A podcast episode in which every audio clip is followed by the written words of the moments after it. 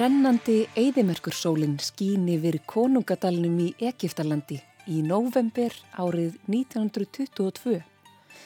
Tólvara drengur að nafni Hussein Abdul Rasul kemur ríðandi á asna yfir hæðina og horfir á gríðarstóran hóp manna sem vinna eins og maurar í sandrúni. Hinga til Egiptalands, heimalands Hussein Abdul Rasul eru komnir breskir menn að leitað fornminjum Howard Carter, forlefafræðingur og Carnarvon Lávarður. En Lávarðurinn var mjög ríkur og bjó í enska kastalanum þar sem sjónvarpstættirnir Downton Abbey eru teknir upp sem foreldrar ykkar eða ömmur og afar horfa kannski á. En konungadalurinn í Egiptalandi lítur út á yfirborðinu eins og ósköp venjuleg eigðumörk en undir sandinum leynist eins konar kirkjugarður þar sem forn Egiptar sem voru uppi fyrir mörg þúsund árum lögðu kongafólki sitt eða faróa eins og það var kallað þá til hinstu kvílu. En þetta voru engar venjulegar grafir heldur risastór grafhísi neðanjarðar. Heilu húsin í raun og veru með mörgum herbergjum full af gullum og gersumum og meira segja vekkirnir voru málaðir með gulli. Árið 1922 var talið að búið væri að finna allar grafirnar í dalnum En þá var búið að grafa upp ótalmörg grafísi og finna fullt af múmíum af faróum sem ríktu yfir Egiptalandi fyrir meir en 3000 árum síðan. Forlefa fræðingurinn Howard Carter var hins vegar vissum að ennþá leindust einhverjir ævafornir fjársjóðir í konungadalum. Hann fekk því vinsinn ríka lávarðin Carnarvon til þess að borga fullta fólki í Egeftalandi til þess að grafa markvist upp hvern krók og keima í dalnum. Heil röða fólki var þannig í vinnu og myndaði eins konar færiband þar sem sumir mókuðu sandinum í fötur, aðrir tóku við fötunum og réttu áfram og enn aðrir tæmtu þær. Þetta tókuðu vitað ótrúlega langan tíma þráttur að þarna veru margar hendur að verki En þegar þarna var komið við sögu var fólk búið að grafa í mörg ár eftir leiðbenningum Howard Carter. Þarna var fólk á öllum aldri við vinnu og meira segja líka börn en hinn 12 ára gamli Hussein vann við að sækja vatn handa vinnufólkinu. Dag einn hafði hann farið að sækja meira vatn í stórt ringlaga leirkir sem hann festi á asnansinn. Hann vatt sér af baki og hófst handa við að grafa litla hólu til þess að halda kerinu stöðugu í sandinum. En viti menn, Hann fann eitthvað hart undir yfirborðinu og hljóp strax af stað til að láta forleifafræðingin vita.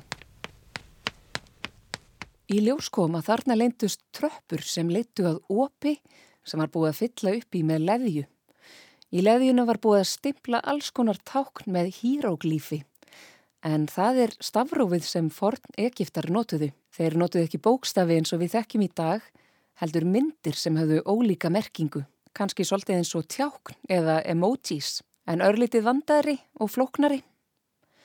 Forleifafræðingurinn Howard Carter og félagar hans voru búin að læra að lesa þessi tákn og gáttu séð að þarna stóðu nafnið Tútank Amon. Þeir fjarlægðu innsiklið sem mynda var úr leðjunni og í ljós kom hurð fyrir innan sem bundið var fyrir með þykku reipi með mörgum hnútum.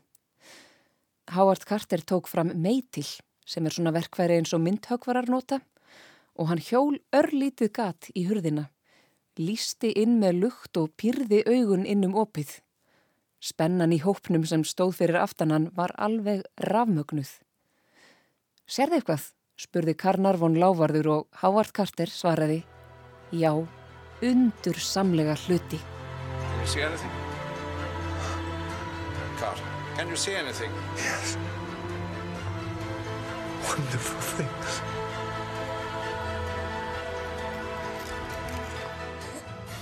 Þetta var merkasti forðleifafundur sögunar. Fyrir innan leindust yfir 5.000 dýrgripir. Í fremsta herberginu voru meðal annars gullskreittir vagnar, útskornir stólar, hásæti úr gulli, stittur, skartgripir, veldirsprotar, sandalar úr gulli og rúm sem strekt var yfir tvær ljónastittur. Howard Carter sæði setna að það fyrsta sem hann hefði hugsað þegar hann leitt hann inn var að þetta væri eins og leikmuna gemsla í óperuhúsi horfinnar siðmenningar. Howard Carter var að vonum mjög ánaður með unga vassberran Hussein Abdel Rasul sem hafi fyrir tilviljun fundið staðin þar sem gröf Tutang Amuns leindist og hann tók mynd af honum með gríðarstórt hálsmenn úr gulli skreitt með eðalsteinum um hálsin sem hafi verið meðal dýrgripana í grafhísi Tutang Amuns. Á ljósmyndinni horfir strákurinn til hliðar og er dáliti lótin í herðum, ekki að því hann var eitthvað leiður, heldur hefur þetta stóra hálsmenn úr reynu gulli sem náðunum langt niður á maga líklegast verið ansi þungt. Svo voru líka ímis hljóðfærið þarna, meðal annars tveir lúðrar, annar úr kopar og hinn úr silfri sem eru eldstu varðvettu hljóðfæri í heiminum sem enn er hægt að spila á. Það var einmitt gert í útvarpsendingu árið 1939 en þá hafði ekki verið blásið í lúðrana í meira en 3000 ár. Pharaoh Tutankhamun, Lord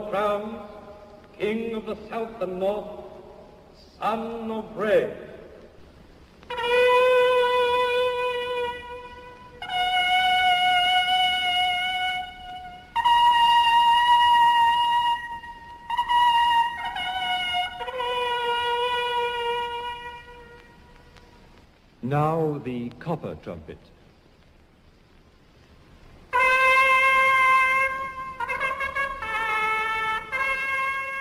Reyndar kom sprunga í silfur lúðurinn þegar blási var í hann eftir öll þessi ár þúsund.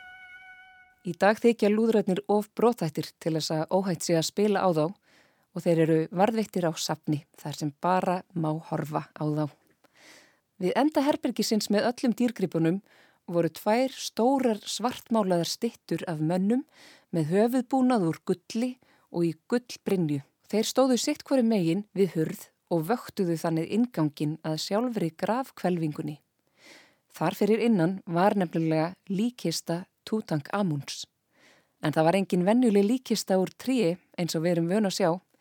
Nei, á miðjugólfi í herbygginu stóð risastór steinkista úr graníti en herbergi sjálft var málað með gullmálingu og skreitt alls konar myndum, meðal annars af Tutang Amun sjálfum og af tólf bavíunum. Ofan í þungri granítkistunni var önnurkista úr tré í læginu eins og maður, máluð með gulli, bláu og rauðu. Ofan í henni var ennönnurkista að svipaðri gerð nema minni og ofan í henni önnurkista Einsta kistan var úr skýragulli og skreitt með eðalsteinum en hún var heil 110 kíló að þyngd. Ofan í einstu kistunni voru 3300 ára gamlar líkamsleifar farósins Tutang Amuns vafðar inn í línstranga, svona eins og múmiur eru yfirleitt. Yfir múmiunni var gríma úr gulli sem hefur orðið að táknmynd forn egipskrar menningar. En hver var þessi Tutang Amun sem var uppi fyrir svo lungu síðan? Í dag er árið 2022 en hann var á lífi meir en þúsund árum áður en árið 0 var einu svonni komið.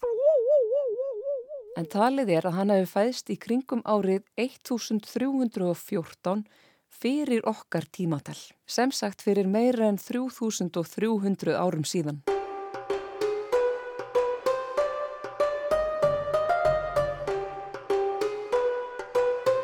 Tutankhamun var bara krakki þegar hann var kringdur faró yfir öllu Egiptalandi. Þegar hann var 8 eða 9 ára gammal dó pappans Akhenaten sem hafi verið faró eða konungur í 20 ár og þá tók Tutankhamun við af honum þó hann væri bara 9 ára. Eða kannski var hann 8 ára, við vitum ekki alveg en það er alveg ótrúlega langt síðan hann var á lífi. Hann hafið samt auðvitaði ráðgjafa á þjóna sem hjálpuð honum að stýra landinu. Í hinnu forna Egiptalandi var algengt að fólk giftist innan fjölskyldunar til þess að passa upp á að völdin hjaldust innan ættarinnar. Fóreldrar Tutang Amun voru sískinni en í dag veitum við að við ofmikla skildleikarektun, það er þegar meðlimir sömu fjölskyldu eignast afkvæmi saman, stór aukast líkurnar á alls konar sjúkdómum bæði líkamlegum og andlegum.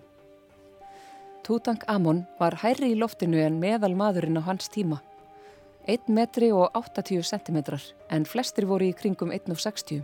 Hann var með rikskekju og Hálsliðirnir voru grónir saman þannig að hann gatt lítið hreift höfuðið. Síðan var annar fóturinn sá vinstri bæklaður þannig að hann gatt valla stíið í hann og þurfti að ganga við staf. Hann var ekki bara fara og aðeins nýjára gammal, heldur giftist hann líka. En eigin kona hans var hálfsistur hans sem var nokkrum árum eldri og hétt Ang Esen Amon. Þau áttu sama pappa en mamma hennar var Nefertiti drottning. Það var nefnilega líka algengt á þessum tíma að valdamikli menn eins og faróar veru giftir mörgum konum í einu. Tutankamon og Ankesenamon eignust tvær dætur saman en það er dóu báðar þegar þær voru bara nýfællar. Tutankamon var sjálfur ekki nema 18 eða 19 ára þegar hann dó og að því hann átti enga erfingja var hann síðast í faróin sem ríkti af sinni ætt sem kölluð var átjánda konungsættin. Það er ekki alveg vita hvers vegna hann dó svona ungur Sumir hafa lagt til að ráðgjafi hans sem hétt Æ og varð faró eftir að Tutang Amon dó hafi látið myrðan til þess að komast sjálfur til valda. En eftir margra áratöga rannsóknir likur fyrir að líklegast hafi Tutang Amon fengið síkingu eftir beinbrott og þess vegna vext og dáið. En hann var veikburða fyrir og hafði oft fengið malaríusjúkdómin á sinni stuttu æfi.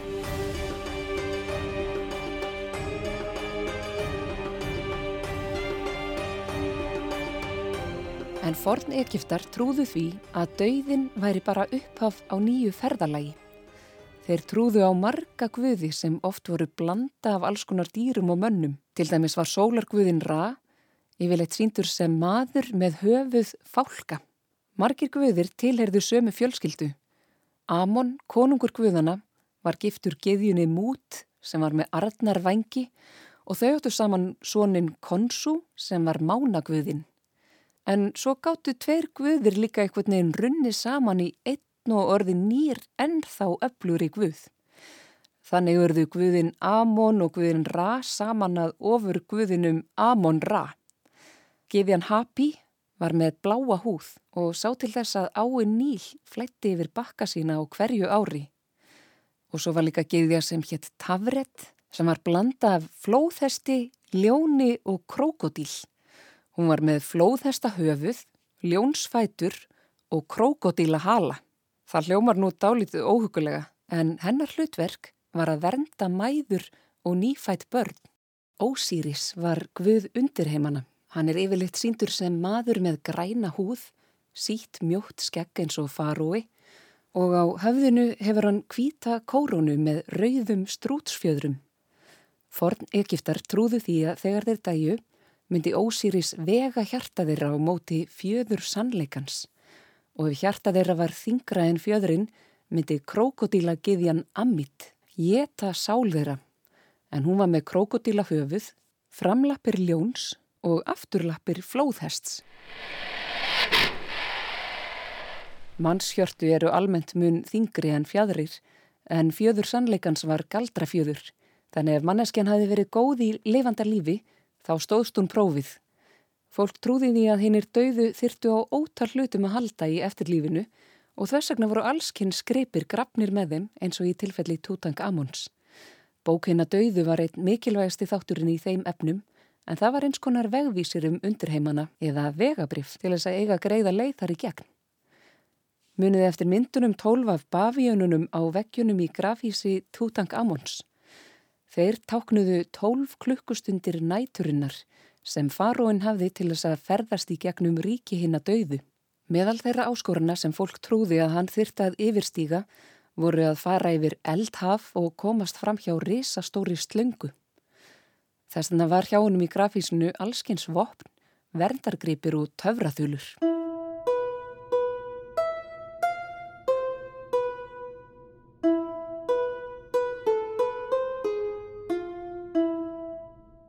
Þegar Dáni Faróin hafði sigrast á öllum þessum áskorunum, tóka mótonum heil hersing af guðum og giðjum sem buðan velkomin í eftirlífið, þar sem hann sameinaðist sólarguðinum og þá gætt sólinn resið á ný og heilsað nýjum degi.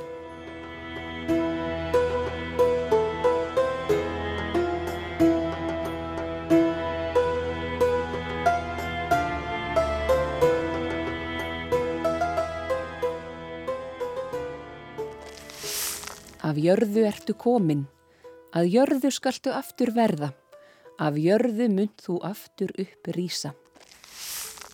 Þetta eru orð sem yfirlegt eru sögði í jarðarförum og minn okkur á að það er eðlilegt að dánir líkamar breytist með tímanum í mold og gefi jarðveginum næringu fyrir nýtt líf.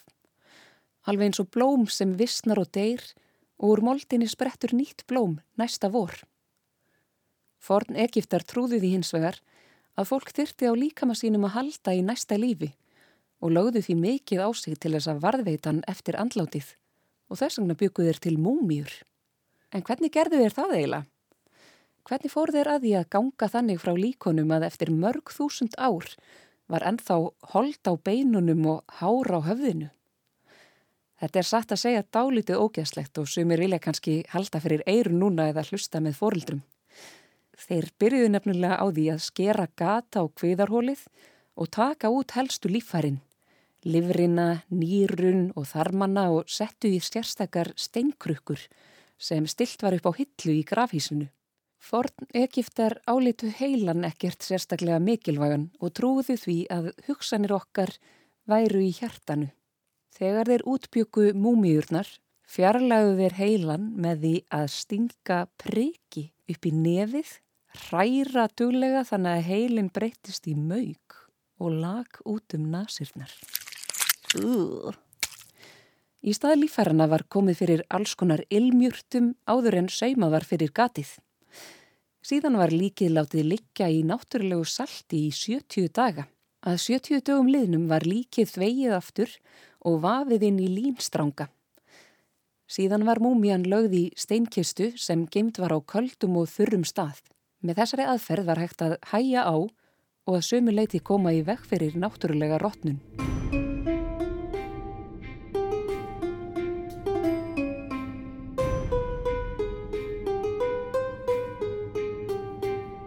Eins og áður sagði hefur gullgríman fræga sem var yfir múmiu Tuttank Amons, drengsinn sem var farói yfir Egiptalandi þegar hann var bara 8 eða 9 ára, orðið að táknmynd egipskrar forn menningar. En táknmynd er eitthvað sem gefur til kynna ákveðina hugmynd, veru, fyrirbæri eða ferli. Þannig táknar til dæmis íslenski fánin, Ísland, og mynd af mannshaus með bylgjulaga línum fyrir neðanmerkir sundlug. Fólkum allan heim reyfst af sögu Tútank Amons eftir þennan merkilega fordlega fund þegar grafísi hans á samt fjársjóðunum sem í því leindust komu í leitirnar. Í daglegu tali var farið að kalla hann Tút Kong og ótalmargar bækur hafa verið skrifaðar um hann, bíómyndir teknar upp og svo hafa líka verið saman lög. Við skulum heyra að lokum Steve Martin syngja lagsitt sem heitir Tút Kongur eða King Tut á ennsku.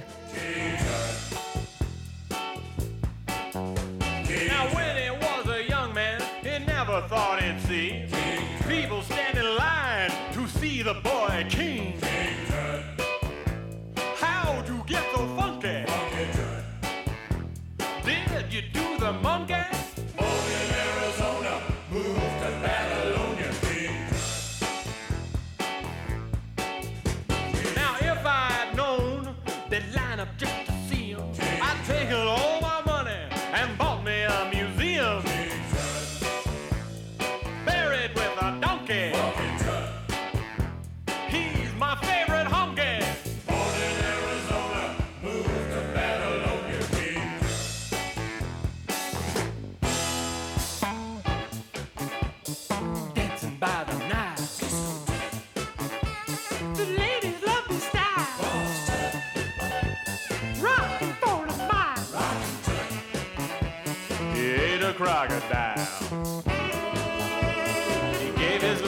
for tourism.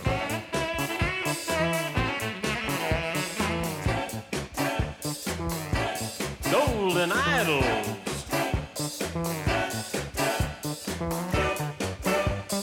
He's an Egyptian.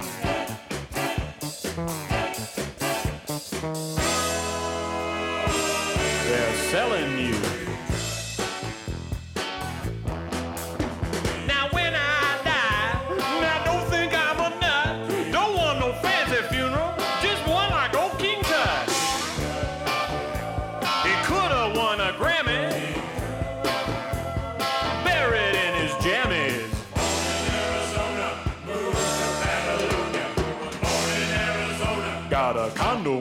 Stoner. King Tut.